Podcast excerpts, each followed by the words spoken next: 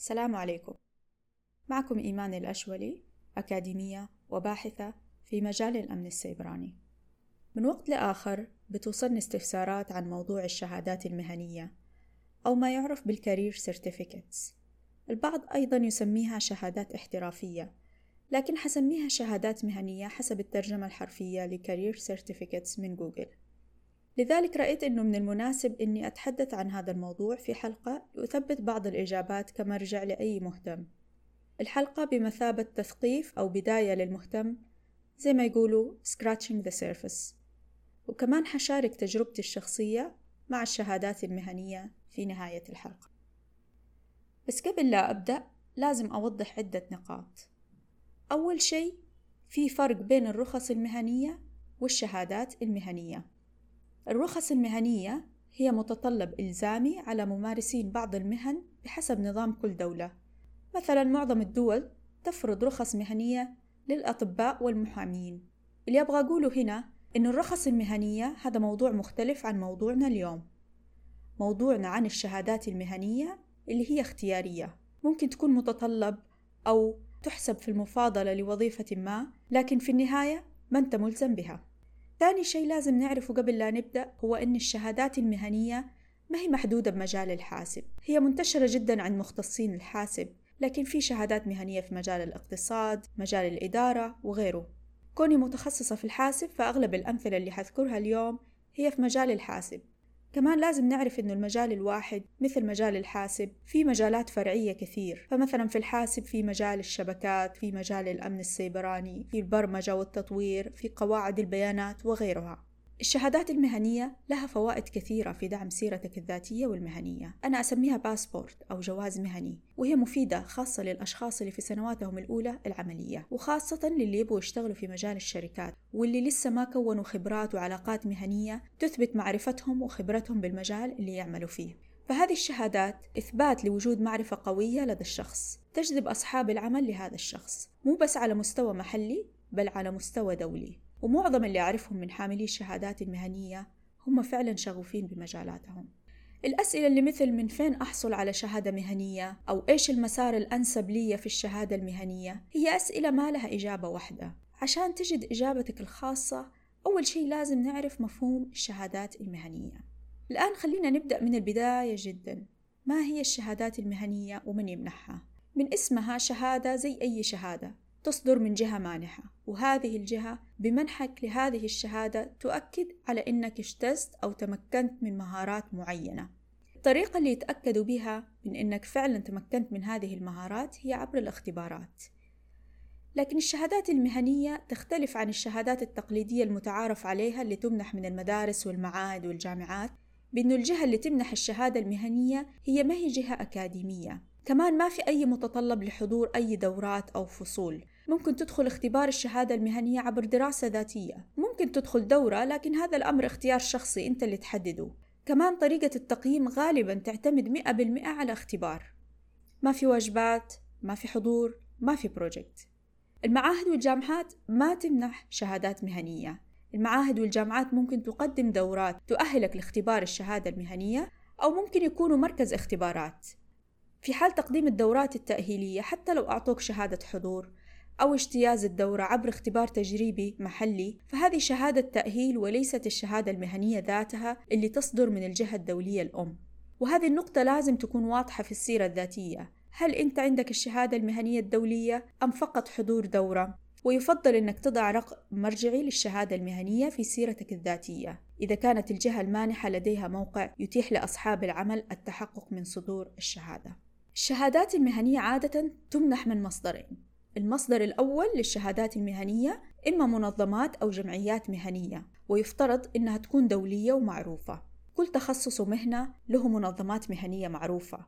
من المهم إنه نعرف إن المنظمات المهنية تختلف عن المنظمات العلمية الأكاديمية. المنظمات العلمية مركزة في موضوع الأبحاث والنشر وهذا موضوع مختلف عن الشهادات المهنية اللي هي موضوعنا اليوم. بينما المنظمات والجمعيات المهنية تركز على جوانب عملية ومن ضمنها الشهادات المهنية. مثال لهذه المنظمات المهنية في مجال الحاسب هو ال Computing and Technology Industry Association وتسمى CompTIA. كمان في مجال الاختراق الأخلاقي في منظمة اسمها ال EC-Council في مجال ال security في SANS وغيرها الكثير من المنظمات. المصدر الثاني للشهادات المهنية هو الشركات الكبرى سواء كانت ربحية أو غير ربحية. لكنها شركات بتصدر منتجات متقدمة واسعة الانتشار. مثلا في مجال الحاسب في شركة مايكروسوفت وفي أبل وسيسكو ولينوكس كلهم عندهم شهادات مهنية لاحتراف منتجاتهم. نوعية المحتوى لمنهج الشهادات المهنية يختلف بحسب هل الشهادة صادرة من منظمة أو من شركة. في حالة الشهادات اللي تصدر من منظمات أو جمعيات هم ما بيتعاملوا مع منتج محدد من شركة معينة وإنما بيزودوك بتدريب مهارات عامة في مجال محدد. مثلا في مجال صيانة الحاسب في شهادة مقدمة من CompTIA تعرف بال A حيعلموك صيانة الحاسب بس ما حيعلموك صيانة جهاز من نوع مثلا ديل أو من نوع مايكروسوفت حيعلموك صيانة الحاسب بشكل عام. كل الأجهزة بغض النظر عن الشركة المصنعة تشترك في ستاندردز تلتزم بها الشركات المصنعة فهم حيعلموك الصيانة بهذا المستوى اللي غير ملزم بشركة معينة. ممكن حتتدرب تدريباتهم العملية على أجهزة من نوع معين مثلا ديل لكن حتى لو اشتغلت في شركة أجهزتهم مثلا من نوع تاني HP مثلا فما حيفرق كثير لأن الشهادة على مستوى عام. في حالة الشهادات اللي تصدر من شركات هنا الأمر مختلف. هنا هم محددين في منهجهم بأنظمتهم ومنتجاتهم. ممكن يشرحوا لك بعض الأسس العامة الضرورية لفهم المنتج لكن في النهاية هم هدفهم إنك تحترف التعامل مع المنتج حقهم. مثلا في مايكروسوفت في شهادة مهنية لاحتراف نظام ويندوز 11 مثلا. فإذا أنت أخذت هذه الشهادة إذا أنت محترف في هذا النظام وما أنت مستخدم عادي محترف. في حالة مناهج الشركات كل اللي تعلمته حتقل أو تنعدم قيمته لو أنت اشتغلت في منشأة كل أجهزتهم تستخدم نظام آخر غير اللي أنت درسته. فمثلا إذا درست الويندوز واشتغلت في شركة كل أنظمتها أبل مثلا فما حتكون في قيمة عالية للشهادة تبع ويندوز. كذلك لو أقفلت الشركة لا سمح الله حتنتفي قيمة الشهادة. لكن اللي يميز مناهج الشهادات المهنية سواء كانت من منظمات أو شركات إنها تركز على أسئلة مبنية على سيناريوهات أو حالات عملية بتتكرر كثير في المجال العملي. طيب ممكن أحد يسأل إيش هي المجالات اللي ممكن ياخد فيها شهادات مهنية؟ كل مجال من المجالات زي مجال الحاسب مثلا له مجالات فرعية فمثلا في الحاسب قلنا في ال cyber security والشبكات والبرمجة وغيرها والمجالات الفرعية هذه في عدة شركات وعدة منظمات تصدر شهادات متخصصة في هذه المجالات.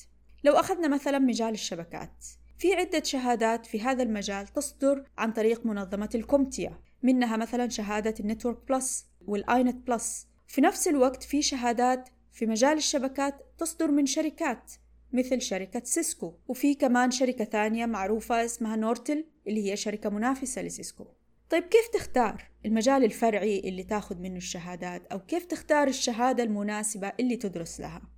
أول شيء يعتمد إيش المجال الفرعي اللي أنت حابب تتعمق فيه؟ هل حابب تتعمق في الأمن السيبراني أو في الشبكات أو في قواعد البيانات؟ وغالبا وظيفتك هي اللي تحدد. ما حيكون في خطة دراسية زي ما بيسووا في الجامعات. أنت حر في وضع الخطة. ممكن حتى تاخد شهادات من عدة مجالات مختلفة. ممكن ما تكون عارف غير أول شهادة مفيدة لمجالك. ممتاز. اشتغل عليها. وبعد ما تخلص شوف إيش هي الخطوة الثانية. وأساسا خلال دراستك للمنهج الأول حتتعلم أشياء كثير توضح لك الخطوة الثانية المناسبة لك. في بعض المجهودات من هيئات في بعض التخصصات مثل إطار سيوف من الهيئة الوطنية للأمن السيبراني. أصدروا كتيب يقترح المهارات المطلوبة لأغلب الوظائف المعروفة في مجال الأمن السيبراني. فممكن تطلع على الوظيفة اللي أنت تطمح لها وتشوف إيش المهارات المطلوبة فيها. ثم تبحث عن الشهادات اللي تقويك في هذه المهارات. طبعا هذه الإطارات مراجع مساعدة وما أنت ملزوم بها. متى الوقت المناسب إنك تحصل على شهادة مهنية؟ الوقت المناسب هو الوقت اللي تحدده أنت. ممكن تبدأ تدرس لها في سنوات البكالوريوس الأخيرة لو عارف ميولك من بدري. لو ما أنت عارف ممكن تنتظر إلين تتخرج وتحدد إيش تدرس بناء على الوظيفة اللي حتلتحق بيها. الآن نجي نتكلم على بعض الميزات والعيوب. أهم ميزات الشهادات المهنية إنها تكمل معرفتك الأكاديمية بمعرفة وتمارين عملية. كمان تقدر تدرس في أي وقت وبالسرعة اللي تناسبك. ممكن تدرس منهج في شهر وممكن في سنة كاملة. ممكن تدخل الاختبار أكثر من مرة. من عيوبها تكلفة المصادر التعليمية والاختبار. تعتبر عالية نوعا ما. لكن من الجدير بالذكر أن هناك مبادرة حكومية من صندوق تنمية الموارد البشرية. هدف تدعم قائمة معينة من الشهادات. لو شهادتك من ضمن هذه القائمة يغطوا لك تكلفة اختبارين. كمان صعوبة تخصيص الوقت للدراسة مع عمل بدوام كامل. من العيوب كمان في حين أن الشهادات الأكاديمية هي مدى الحياة بعض الشهادات المهنية محددة بعمر معين لكن غالبيتها مدى الحياة. إيش أسباب تحديد الشهادات المهنية بعمر؟ ما أعرف تحديدا. قد تكون الشركة تغير منتجاتها بشكل جذري على فترات قصيرة وتشوف إنه الشهادة غير صالحة بعد عدد من السنوات فيحددوا موعد لنهاية عمر الشهادة. أو زي ما يقول البعض ممكن تكون أسباب مادية في إنه الشركة بيجيها دخل من رسوم الاختبارات فبتحط عمر محدد للشهادة بحيث إنها تحفز آه، لدخول الاختبار عدة مرات. كمان ينتهي عمر الشهادة لو أغلقت الشركة المانحة لها. وتقل قيمتها لو ضعفت الشركة مثلا أو تغيرت الإصدارات تغيير جذري. أخيرا تجربتي الشخصية في الشهادات المهنية. دخلت عدة اختبارات حصلت على شهادة ال Network+ وال A+ وال i-Net+ من منظمة كومبتيا وشهادة مدير أنظمة معتمد من شركة مايكروسوفت اللي هي تعرف بال MCSA وزمالة سيسكو المعروفة بال CCNA من ستة شهادات عندي خمسة منهم مدى الحياة ما عدا شهادة واحدة من شركة سيسكو كانت محددة بثلاث سنوات. جربت أنماط مختلفة للدراسة للشهادات المهنية بعضها حضرت لها دورات لكن معظمها كانت دراسة ذاتية. الجميل في موضوع الدراسة للشهادات المهنية وأنت على رأس العمل إن كثير من اللي كنت أقرأه كنت أواجهه في العمل. وفي أشياء واجهتها لكن زاد فهمي واستيعابي لها بعد دراستي لمناهج الشهادات المهنية. صرت أسويها بطريقة أكثر كفاءة. الشهادات المهنية أضافت لي الكثير. وختاما الشهادات المهنية زي أي شهادات. الشهادة كورقة بحد ذاتها مو هي القيمة وإنما قيمتها في معناها والمعرفة اللي أعطتك إياها هذه الشهادة. بكده أكون وصلت لنهاية الحلقة. أتمنى أنها تكون إضافة مفيدة لكم. وألقاكم على خير.